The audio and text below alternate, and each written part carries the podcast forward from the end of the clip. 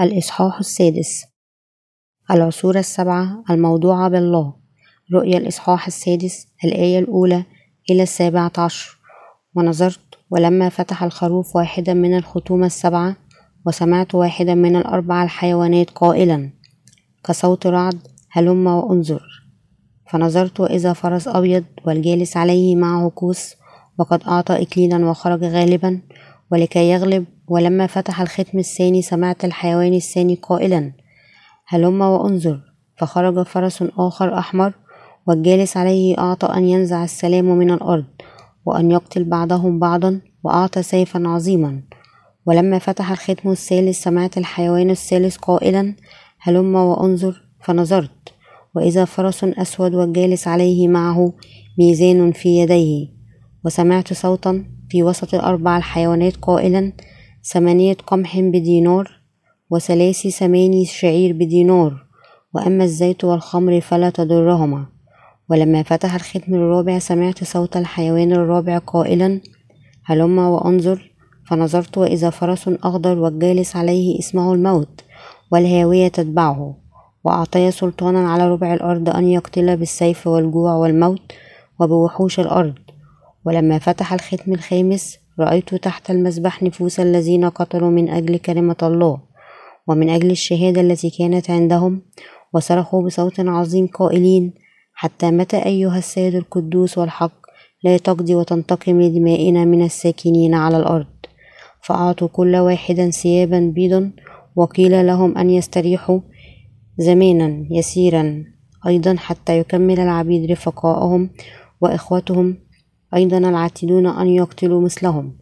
ونظرت ولما فتح الختم السادس وإذا زلزلة عظيمة حدثت والشمس صارت سوداء كمسح من شعر والقمر صار كالدم. ونجوم السماء سقطت إلى الأرض كما تطرح شجرة التين سقاطها إذا هزتها ريح عظيمة. والسماء انفلقت كدرج ملتف وكل جبل وجزيرة تزحزح من موضعهما. وملوك الأرض والعظماء والأغنياء والأمراء والأقوياء وكل عبد وكل حر أخفوا أنفسهم في المغاير وفي صخور الجبال. وهم يقولون للجبال أو الصخور اسقطي علينا وأخفينا عن وجه الجالس على العرش وعن غضب الخروف لأنه قد جاء يوم غضبه العظيم ومن يستطيع الوقوف. التفسير. الآية الأولى ونظرت لما فتح الخروف واحدا من الختوم السبعة وسمعت واحدا من الأربع الحيوانات قائلا كصوت رعد هلم وأنظر. تخبرنا الآية أن يسوع فتح الخطة الأولى من السفر الذي استلمه من الآب الذي يسجل خطة الله الكاملة للبشرية. الآية الثانية فنظرت وإذا فرس أبيض والجالس عليه معه قوس وقد أعطى إكليلا وخرج غالبا ولكي يغلب. الختم الأول الله يتكلم على تأسيس إنجيل الماء والروح في يسوع المسيح كخطة الله أن تنجو البشرية من الخطية ونصر هذه الخطة خطة الله الآب أن يجعل البشرية شعبه بخلاصهم من أسامهم بإنجيل الماء والروح في يسوع المسيح أي بنجاة البشرية من الخطية خلال معمودية يسوع ودمه على الصليب. الله قد نجى الأنفس من كل أسامي العالم بإنجيل الماء والروح. وهو يستمر في أن يعمل هذا حتى ونحن نتكلم الآن. هذه هي الخطة الأولى التي وضعها الله للبشرية. هذه الخطة الأولى الله لخلاص البشرية خلال مجيء يسوع المسيح إلى الأرض معموديته وصلبه وقيامته. عصر الفرس الأبيض يشير لنصر الله في الحرب البارة للإنجيل التي أكملها لينجي البشرية من كل أسامها هذا يخبرنا أن إنجيل الماء والروح سيستمر منتصرا.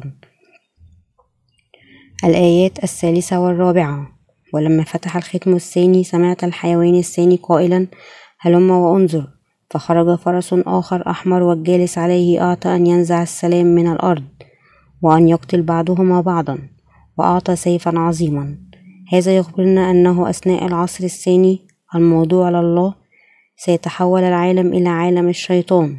ظهور الفرس الأحمر يعني هنا أن العالم سيقع تحت سيادة تحت سيادة الشيطان قد جلب الحرب إلى هذا العالم. آخذا سلامه بسببه ذهب العالم خلال حربين عالميتين. ناس غير معدودون فقدوا حياتهم نتيجة لذلك. أولئك الذين عاشوا عاشوا في سلام متقلب. مكسور حتى الآن أمم وولايات في جميع أنحاء العالم ترتاب كل منهم في الآخر وتشن حرب ضد الواحد ضد الآخر. كاسرين السلام في العديد من الأماكن في هذا العصر. هو عصر الحرب والإبادة الجماعية الآيات الخامسة إلى السادسة.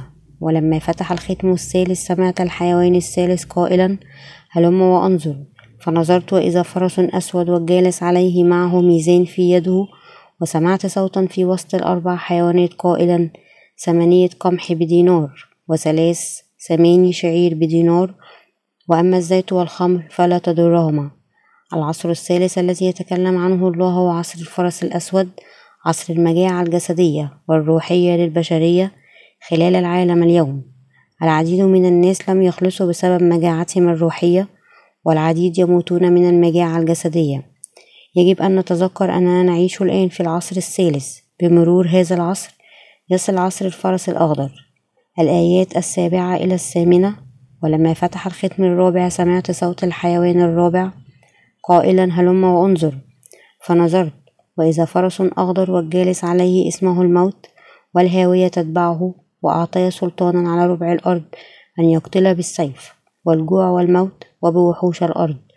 العصر الرابع الموضوع بالله هو عصر الفرس الأخضر يخبرنا الكتاب المقدس أنه خلال هذه الفترة سيبدأ ضد المسيح نشاطاته وبأن هذا العصر هو أيضا عصر استشهاد للقديسين.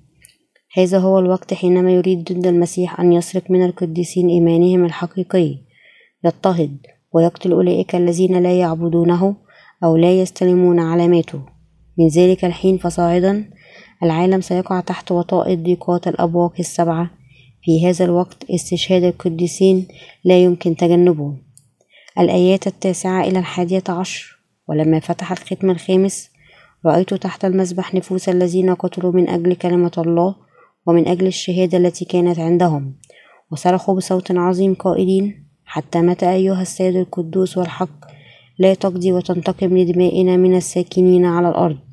فأعطوا كل واحد ثيابا بيضا وقيل لهم أن يستريحوا زمانا يسيرا حتى يكمل العبيد رفقائهم وإخوتهم أيضا العتيدون أن يقتلوا مثلهم. العصر الخامس الله هو عصر قيامة القديسين ونشوة الفرح. بعد هذا العصر ستبدأ المملكة الألفية الفقرة تخبرنا أننا نحن يجب أن نؤمن بالاستشهاد بالقيامة ونشوة الفرح التي تنتظرنا وأننا يجب أن نعيش بإيماننا وأملنا في السماء والأرض الجديدة التي وعدنا الله بها. الآية الثانية عشر ونظرت ولما فتح الختم السادس وإذا زلزلة عظيمة حدثت والشمس صارت سوداء كمسح من شعر والقمر صار كالدم العصر السادس الله هو عصر دمار العالم الأول الذي خلقه الله. إنه في هذا الوقت ستنزل ضيقات الجامات السبع على العالم عندما ستفقد الشمس القمر والنجوم ضوءهم والأرض ستغرق تحت الماء من الزلازل. الآية الثالثة عشر ونجوم السماء سقطت إلى الأرض كما تطرح شجرة التين سقاطها إذا هزتها ريح عظيمة. خلال هذا العصر السادس دمار الكون المخلوق من قبل الله سيحدث من قبل ضيقات السبع جامات تشويش عظيم سيبتلع العالم بينما تسقط النجوم من السماء والأرض تنقلب. الآية الرابعة عشر والسماء انفلقت كدرج ملتف وكل جبل وجزيرة تزحزحا من موضعهما. هذه الآية تخبرنا أنه حينما تصب ضيقات السبع جامات السماء تختفي كما لو كانت صفر ملفوف. وكل الجبال والجزر يتحركون من أماكنهم كوارث تلم بالأرض تغيرات مرعبة تعدل التركيب الفيزيائي للعالم. الآية الخامسة عشر وملوك الأرض والعظماء والأغنياء والأمراء والأقوياء وكل عبد وكل حر أخفوا أنفسهم في المغاير وفي صخور الجبال خلال عصر الختم السادس هذا. عندما يصب الله ضيقات السبع جامات لن يكون هناك أحد يعيش على هذه الأرض. لا ملوك ولا قوي من الذي لن يرتعد خائفا من غضب الخروف. الآية السادسة عشر وهم يقولون للجبال والصخور اسقطي علينا وأخفينا عن وجه الجالس على العرش وعن غضب الخروف. غضب الله سيكون عظيما جدا حتى أن كل البشرية سترتجف في خوف. هذه هي المرة الأولى والأخيرة التي فيها تضرب البشرية بالخوف. الآية السابعة عشر لأنه قد جاء يوم غضبه العظيم ومن يستطيع الوقوف عندما تصب ضيقات السبع جامات كل شخص بغض النظر عن قوته أو جبروته سيرتعد في خوف من الكوارث العظيمة التي ستنحدر فوقهم من غضب الله. ليس هناك واحد يمكن أن يقف أمام غضب الله بدون خوف. ما هو إذا العصر السابع؟ العصر السابع الموضوع بالله هو العصر الذي فيه القديسون سيعيشون في المملكة الألفية. يكون متبوعا بالسماء والأرض الجديدة التي فيها سيعيشون إلى الأبد.